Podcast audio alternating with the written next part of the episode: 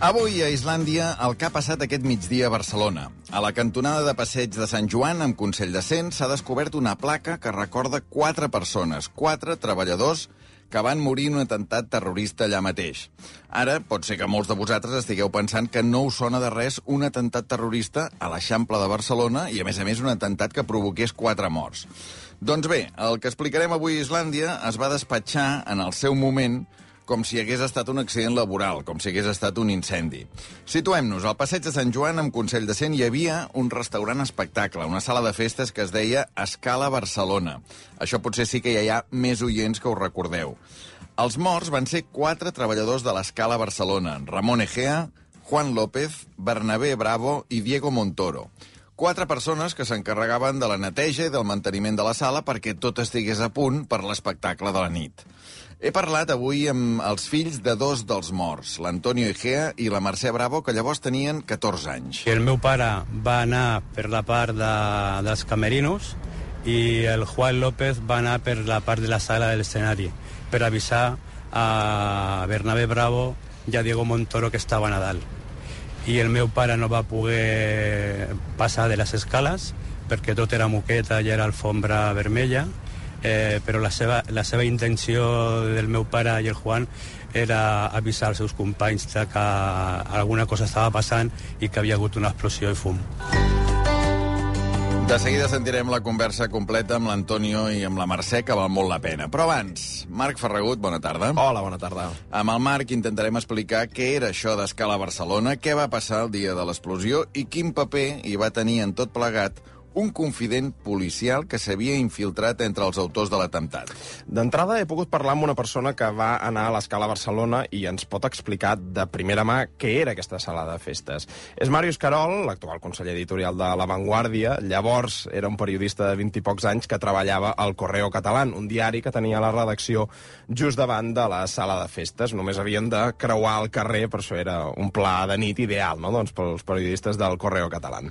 I van uns quants cops i m'ha explicat com era l'experiència que oferia l'Escala Barcelona. Era una sala, una sala de festes, molt semblant al que podrien ser doncs, no sé, el Fort Berger o el Crazy Horse de París. Eh?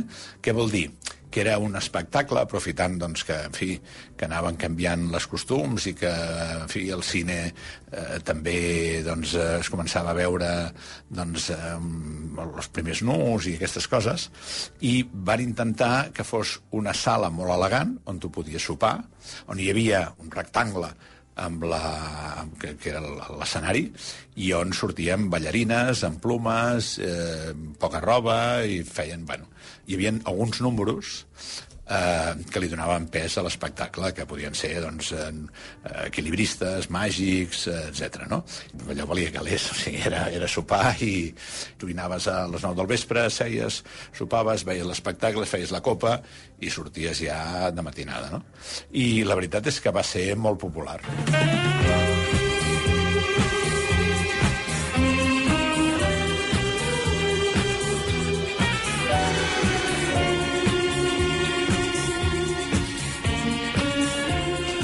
Aquesta era la música que sonava a l'escala Barcelona. Concretament és l'inici d'una de les gales que es retransmetien per televisió espanyola. Deia el Màrius que podies acabar de matinada. De fet, avui, en, el, en aquest acte que hi ha hagut, no, eh, hem trobat un veí, un veí que és president d'escala, just l'escala que hi ha al costat uh -huh. de l'escala Barcelona, i recordava que, clar, que a més a més hi havia dos passis, no? que això volia dir que a les dues de la matinada, per exemple, sortien uns i n'entraven uns altres, no?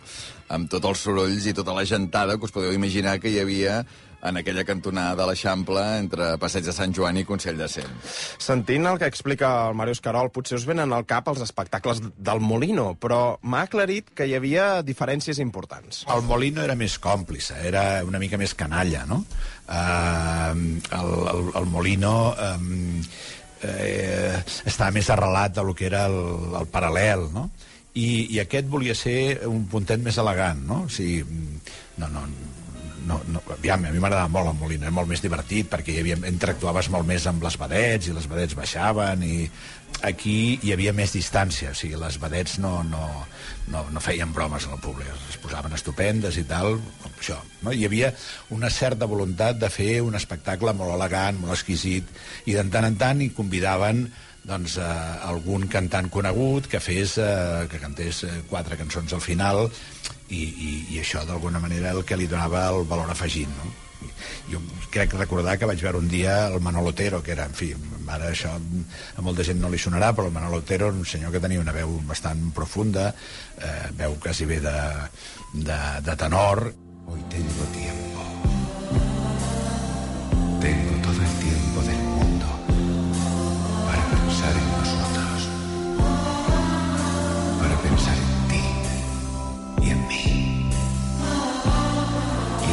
Las pequeñas cosas. Boníssim que Màrius Carol hagi recordat la carrera efímera, perquè va tenir una carrera molt efímera, Manolo Otero, com a cantant, que va ser un dels que anava a actuar mm. en aquesta sala de festes d'Escala Barcelona. Eh?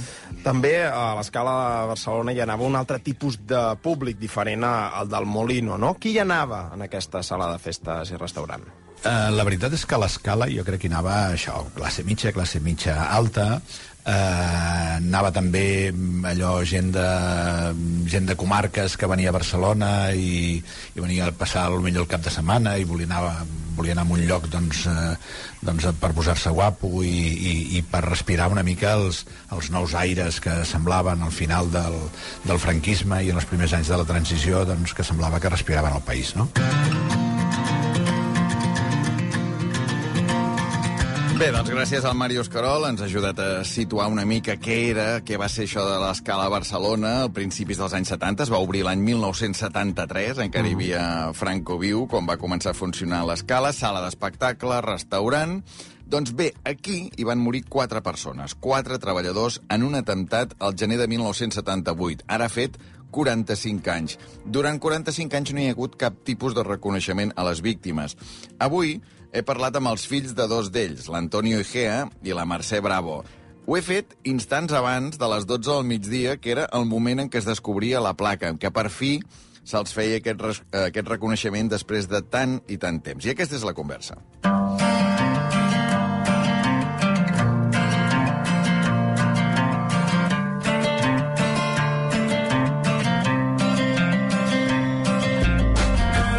Antonio Egea, bon dia. Bon dia, Albert. Qui era el teu pare? Doncs el meu pare era un treballador, era un molt bon treballador i un amic dels seus companys. Tots trets, el Bernabé Bravo, el Diego Montoro i el Ramon Egea van començar a treballar a la sala de fiestas Escala a l'any 73. Has dit Bernabé Bravo, i aquí tinc la Mercè Bravo. Mercè, bon dia. Hola, bon dia. El teu pare era el Bernabé Bravo. Qui era? Doncs, sobretot un gran pare, un gran marit, un gran fill, perquè era molt familiar, un gran treballador, molt responsable, la seva feina sempre... i un lluitador per tirar endavant la família. El teu pare què feia a la sala de festes, l'escala? De què treballava aquí? Doncs estaven en manteniment, neteja. Mm, I, bueno, doncs eh, el que ha dit Antonio, eh, venien d'una empresa que va fer fallida i van trobar feina aquí a l'any 73 i, bueno, doncs... Clar, tots dos es coneixien, amics, i juntament amb, amb dues persones més van morir aquell dia de gener de 1978. Antonio, tu saps què va passar aquí dins, exactament? O sigui, el teu pare on, on era en aquell moment, quan, quan va haver-hi l'incendi? El meu pare en aquell moment estava al hall, al vestíbul, a a l'entrada de serveis. Això explica el, el conserge o el porter que estava allà, en la garita, i eh, estava allà parlant amb ell i acabant alguna cosa perquè ja era l'hora de plegar, quasi, i van sentir una explosió i es va trobar amb el meu cosí, eh, el marit de la meva, de la meva cosina, Juan López Masip, i Que també treballava aquí. que també treballava aquí, i el meu pare va anar per la part de, dels camerinos i el Juan López va anar per la part de la sala de l'escenari per avisar a Bernabé Bravo i a Diego Montoro que estaven a dalt. I el meu pare no va poder passar de les escales perquè tot era moqueta i era alfombra vermella. eh, però la seva, la seva intenció del meu pare i el Juan era avisar els seus companys de que alguna cosa estava passant i que havia hagut una explosió i fum. Per tant, un dels que havia d'avisar era el teu pare, que estava a dalt, no? Sí. A tu quina, quina versió t'ha arribat, diguem, del, dels fets? Bueno, això que ha dit ell i doncs el meu pare va estar tres dies fins que van trobar el seu cos.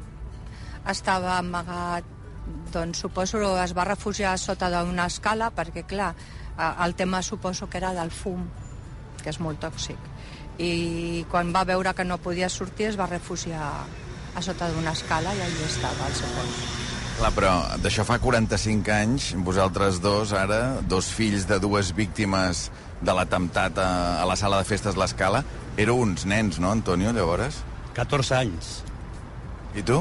Igual 14. Teniu la mateixa edat, eh? 14 anys. I què recordes tu? On, o sigui, com vas saber a casa teva, Antonio Egea, com veu saber que hi havia hagut aquest atemptat a la sala de festes? Doncs estaven amb el meu tiet, el meu germà, la meva mare i jo a, a la saleta del pis i estàvem veient la tele i vam veure a Televisió Espanyola per les notícies que l'escala s'estava cremant eh, i trigaven en venir perquè ja, ja era una mica tard i no, i no venien. I quan vam veure que l'escala a Barcelona s'estava cremant, eh, el meu germà i el meu tiet i jo eh, van venir en cotxe cap a Barcelona perquè nosaltres vivíem a Santa Coloma de Gramenet i, i vam arribar aquí a la cantonada, vam preguntar per el meu pare, i es van dir, no sé, al, al, algú d'aquí, no, sé, no sé qui, que, que havia sortit en vida, però que anava en una ambulància a camí de Peracans, i en el que havíem a morir. Tu amb 14 anys, eh? Sí, sí, sí, sí amb 14 anys. Tant, sabíeu segur que era diumenge al matí, però que encara que fos diumenge al matí i que no hi hagués espectacle, els vostres pares estaven treballant aquí, no? Sí, perquè ells tenien que preparar tot per quan a la tarda o a la nit hi hagués un espectacle.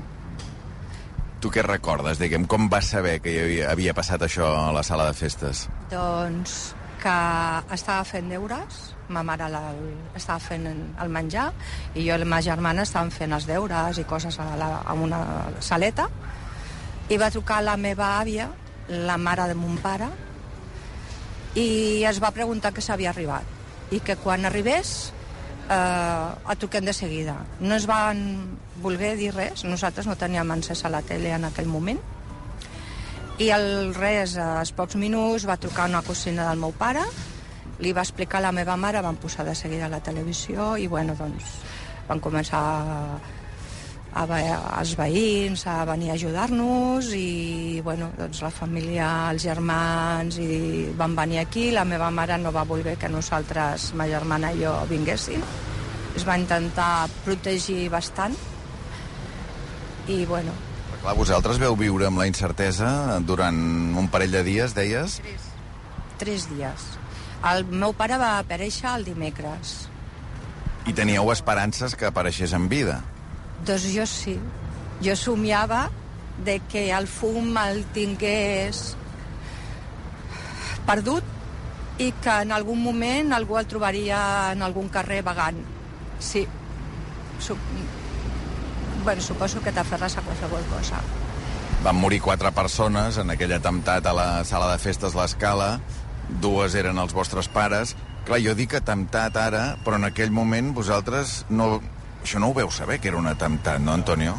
No, nosotros vam saber per les notícies i per la premsa el, el que deien que, que havia estat un incendi i els primers mesos ho van qualificar no? com, com accident laboral eh, però nosaltres sempre pensàvem que hi havia una cosa darrere eh, que havia sigut més fort que això però teníem por també de verbalitzar-lo Recordes si veu cobrar alguna indemnització, la família? Eh, L'accident no me'n recordo jo, perquè era accident laboral, no me'n recordo si van cobrar o no van cobrar. Eh, però a les poques setmanes eh, ens van donar un taló a, a Bernabé Bravo, a Diego Montoro i a Ramon Egea, un talón de 1.300.000 pesetas. I a Paquita Talavera Corbalán, que era la meva cosina, 800.000 pesetes. Qui us va donar aquest taló? Eh, El Martín Villa, que era ministre de Governació, que va rebre les vídues. Bueno, jo, jo me'n recordo d'estar-hi també allà, un tiet meu, els meus tiets també, els germans de mon pare, a la Governació Civil, que ha d'estar tancat, sí. sí. i era el ministre de l'Interior, i allà mateix també va fer una trucada al rei i va parlar amb les vídues. És a dir, Bueno, us va, o sigui, va convocar les famílies a govern civil Sí.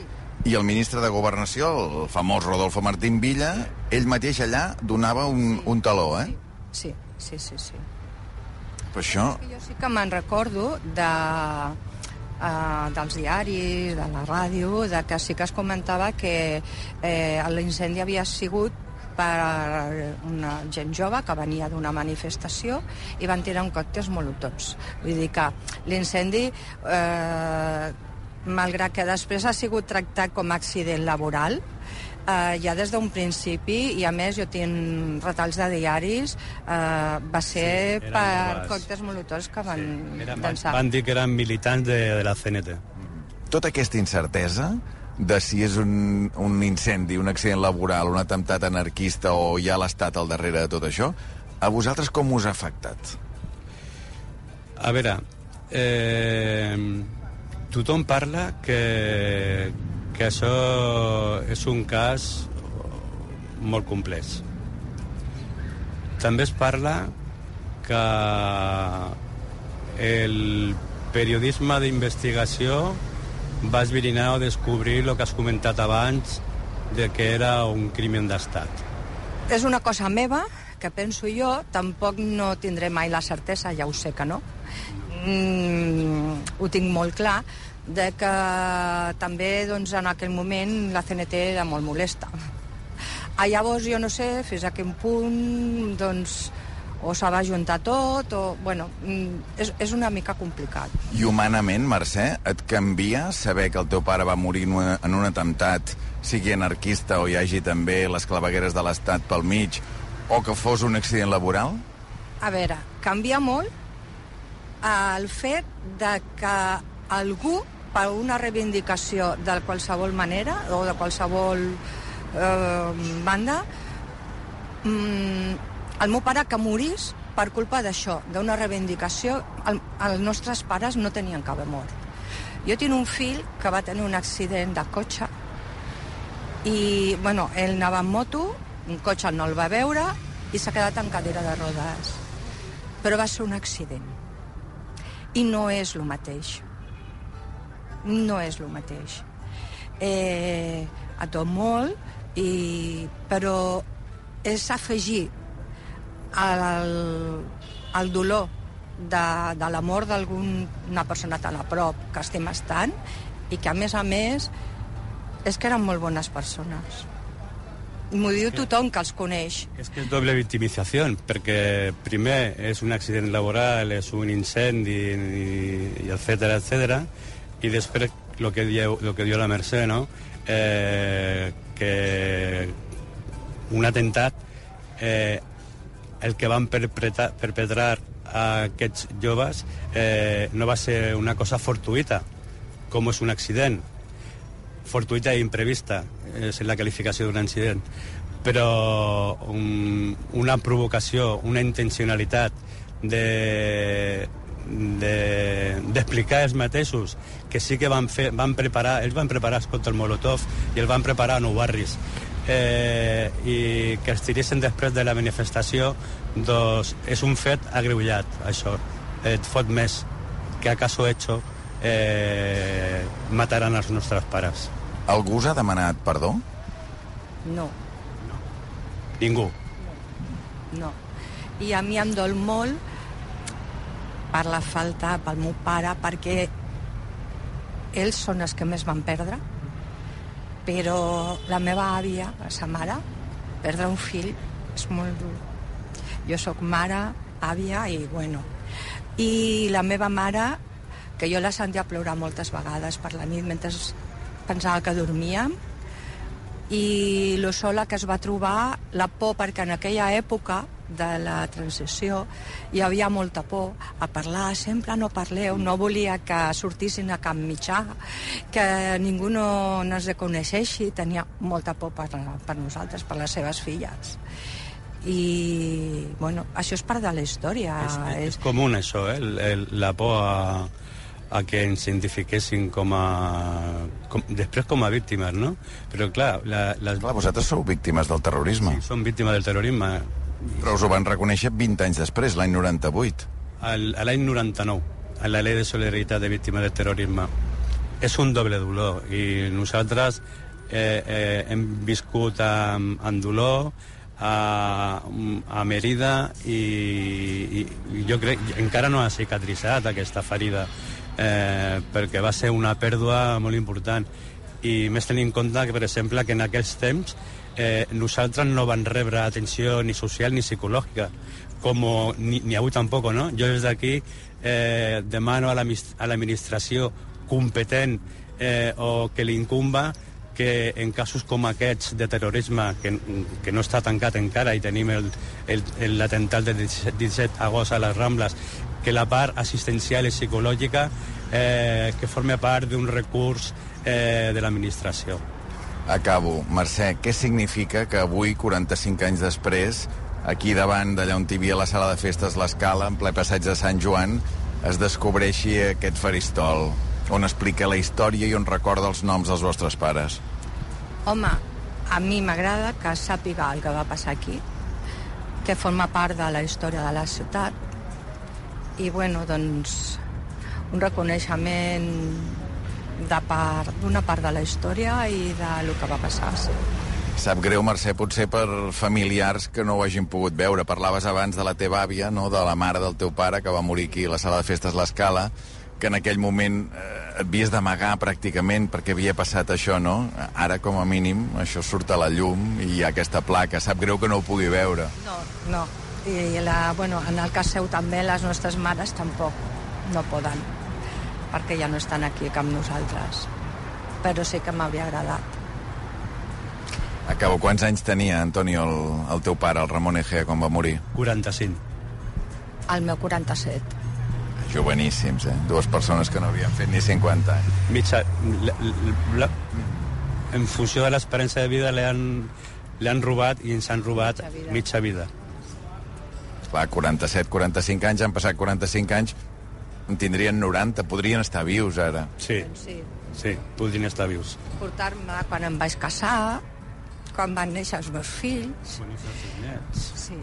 Això fa molt de mal i sempre farà mal, sí. Perquè els meus fills, est... bueno, la meva mare, que ha estat sempre amb ells, l'estima molt. El meu pare també, però clar, eh, la meva mare ha estat amb ells, els s'ha- ha sigut una relació molt especial. I això podia haver estat també amb el meu pare, perquè clar, el record que tenen és el que els hi expliquem.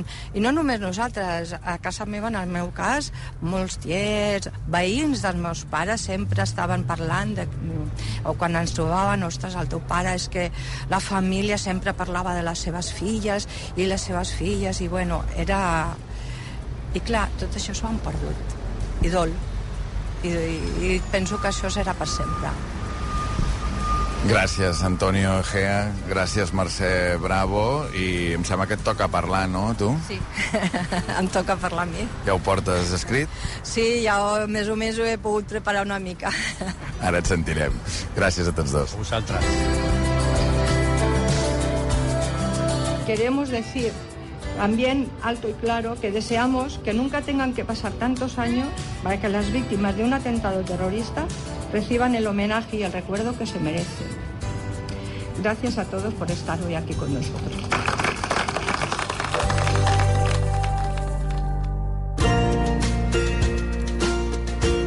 Doncs ja ho sentiu, així s'ha acabat el discurs de Mercè Bravo, la filla de Bernabé Bravo, un dels quatre morts a l'atemptat de l'Escala a Barcelona. De fet, a l'acte d'aquest migdia també ha acabat parlant l'altra persona amb qui conversàvem, que és l'Antonio Egea.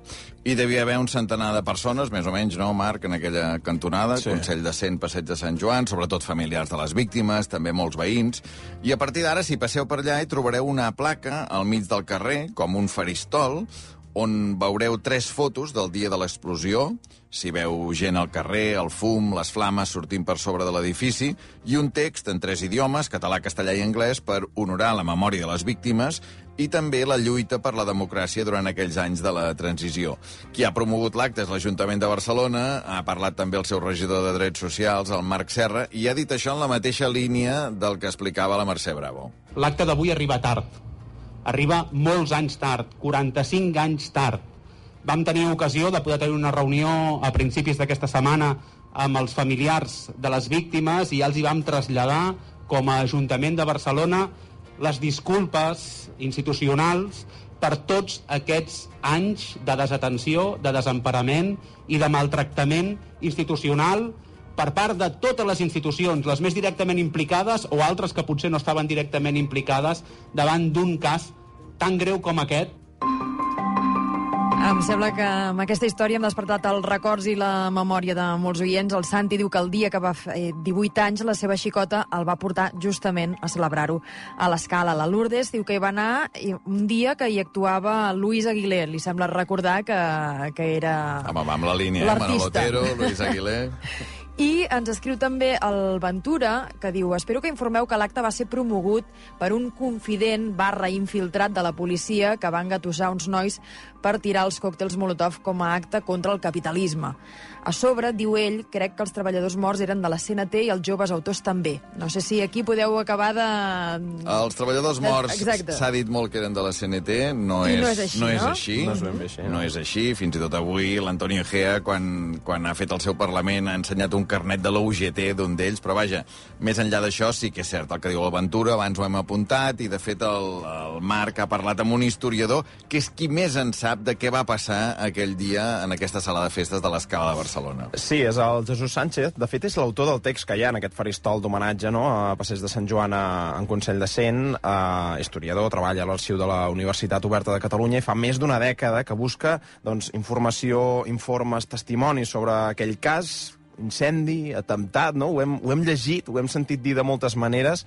Com n'hauríem de dir, realment? va ser un atemptat encara que tu no tinguis intenció de crear... Però vaja, si tu llences un còctel molotov a la porta d'algú, home, es- estàs cometent un, un- acte que, que és, és, és un, un atemptat, d'acord? Una altra cosa és si, si això se t'escapa de les mans o no, però realment sí que té aquesta qualificació d'atemptat. Per sobre del, del, del que es diu el cas, que va ser el, el, el cas eh, judicial o incendi. Ni cas ni incendi, va ser atemptat. Això que quedi clar. Doncs queda ben clar, eh? el Jesús Sánchez és taxatiu al respecte. Parlem de l'atemptat de l'escala. Al principi, durant molts anys, no, ho hem comentat, no es va considerar un acte de terrorisme. La versió oficial i el tracte que van rebre les famílies de les víctimes va ser aquest. Inicialment l'amor, és, és, diguéssim, administrativament han patit els treballadors un accident laboral.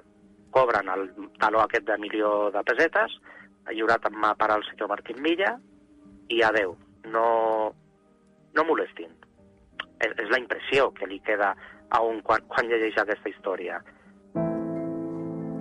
Clar, de fet, una primera sospita eh, és que si és un accident laboral, com és que el ministre de Governació, el ministre de l'Interior de l'època, Rodolfo Martín Villa, es vol reunir, que ens ho explicaven abans també els dos fills, no? Sí, es vol reunir amb ells personalment i els hi dona personalment un taló i, a més a més, ho pacten i ja ho coordinen tot perquè el rei també truqui. I dius, hosti, eh, si és un accident laboral, si és un incendi, com n'hi ha hagut tants d'altres, segurament no hi ha intervingut aquí el ministre Martín Villa. Crida, crida molt l'atenció això, com tantes altres coses, eh, de- d'aquest cas, de, dels fets d'aquell aquell diumenge, no? Recapitulem amb el Jesús Sánchez. Uh, recordem, la CNT havia convocat una manifestació en contra dels pactes de la Moncloa, no? que era el gran acord que incluïa partits polítics i sindicats, eh, que havia servit per engegar no? reformes a nivell social, econòmic i polític, doncs, eh, això de, el principi de la transició espanyola. I la CNT, que en aquell moment tenia un suport popular important, estava en auge, en renega d'aquests pactes de la, de la Moncloa. Jesús Sánchez detalla com va anar aquella jornada de protesta. La manifestació, de fet, va ser com moltes de les que es produïen a, aleshores amb, amb certa atenció, però no, no va passar gaire cosa més rellevant que la que era per costum que, que passés. La manifestació es va desfer, van ser una sèrie de, bueno, de, de joves que van assistir a la manifestació, que això està provat, i que ja prèviament preparats per un infiltrat de la policia eh, pensaven llançar uns còctels molotovs a la porta de la sala de festes a escala. Mm, no té cap sentit. La manifestació és el que, el que era l'Avinguda Marquès del Duero, actualment paral·lel, acaba a plaça Espanya i se'n van dos quilòmetres i pico més enllà, a Passeig de Sant Joan, a Consell de Cent, a llançar aquests còctels, sense saber de, de que quan llançarien els còctels o ho van calcular malament o allò estava preparat per incendiar-se. Per això mai, mai s'ha pogut eh, provar. Clar, recordem que això era un diumenge, un diumenge al migdia, mm. no? que, per tant, l'escala estava tancada en aquell moment, però sí que hi havia aquests quatre treballadors, els quatre morts, treballadors de manteniment, de neteja de la sala de festes, que ho preparaven tot per la nit, diguem, no? I aquests, eh, clar, venen, tiren els còctels Molotov, s'incendia el local, i, i passa el que passa, no? Aquí ha sortit ja, eh, l'historiador Jesús Sánchez ens deia això, no? Instigats, preparats per un infiltrat un infiltrat que anem a veure qui era, no? Ha, ha anat sortint, eh, aquest infiltrat es deia Joaquín Gambín i tenia aquest perfil. Joaquín Gambín era un lladre de, de baixa estofa um, i feia treballs per fer xivatassos a la, a la policia, una policia que, mm, recordem, eh, bueno, tenia tota una sèrie de, de comissaris franquistes treballava per fer, mm, bueno, per fer-li feina bruta, de claveguera, d'informes, de... però bueno, també es buscava la vida, atracant, atracant bancs, eh, traficava amb armes, va quedar provat que, havíem, que, que sí que va treballar per, per la policia, va estar en contacte amb, amb, amb les persones encausades, i els va estar preparant durant els dies anteriors a, a, bueno, doncs, a fabricar el còctel Molotov, que hem, hem d'atentar contra la sala, eh, hem de llançar això contra la, la burgesia i la sala de festes escales ho fa molt bé, és a dir, els va induir a que cometessin un atemptat.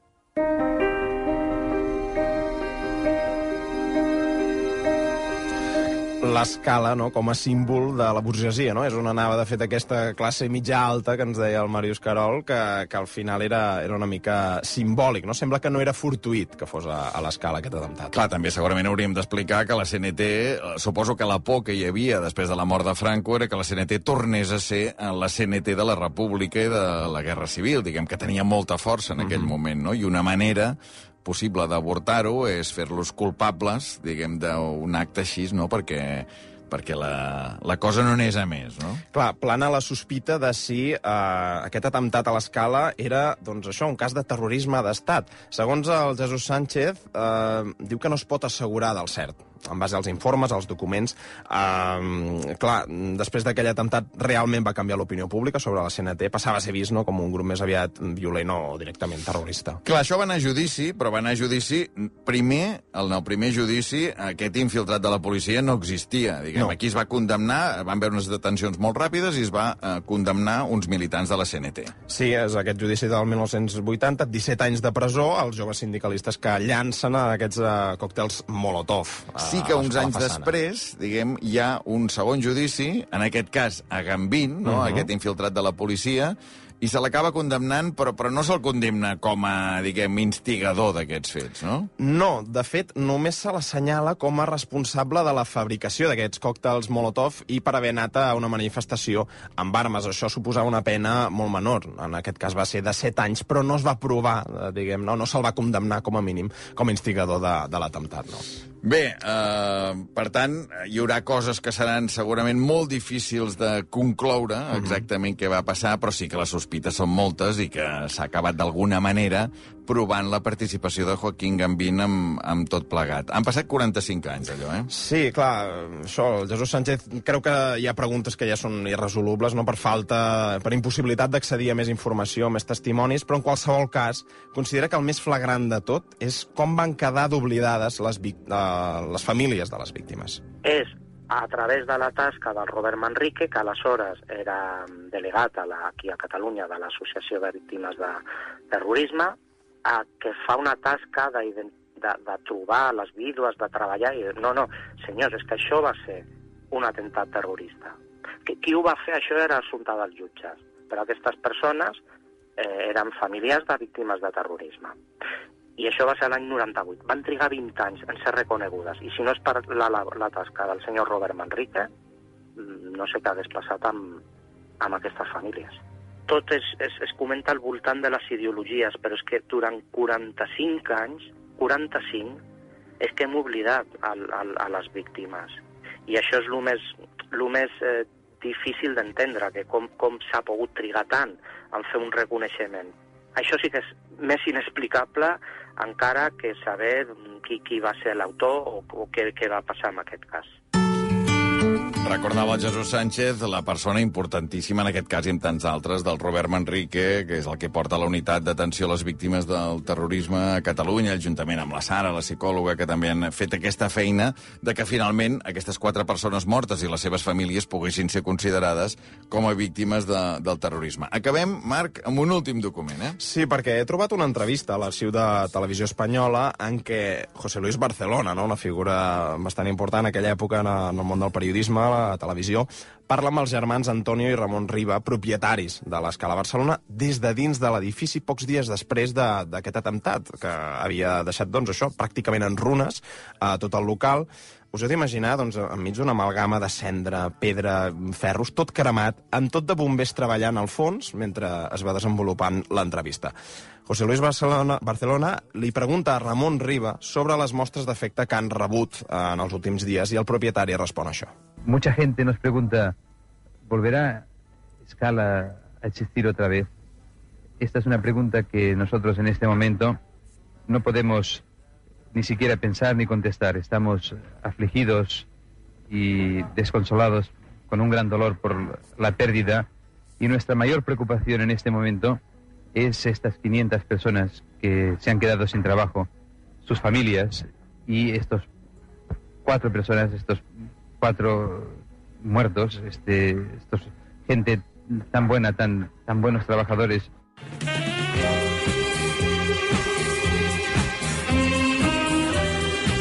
Clar, en aquell moment, com deies, Marc, acabava de passar hores només de, de l'atemptat. Els germans Riba encara no sabien si tornaria a obrir o no tornaria a obrir. L'escala havia obert 73 fins a l'atemptat del 78.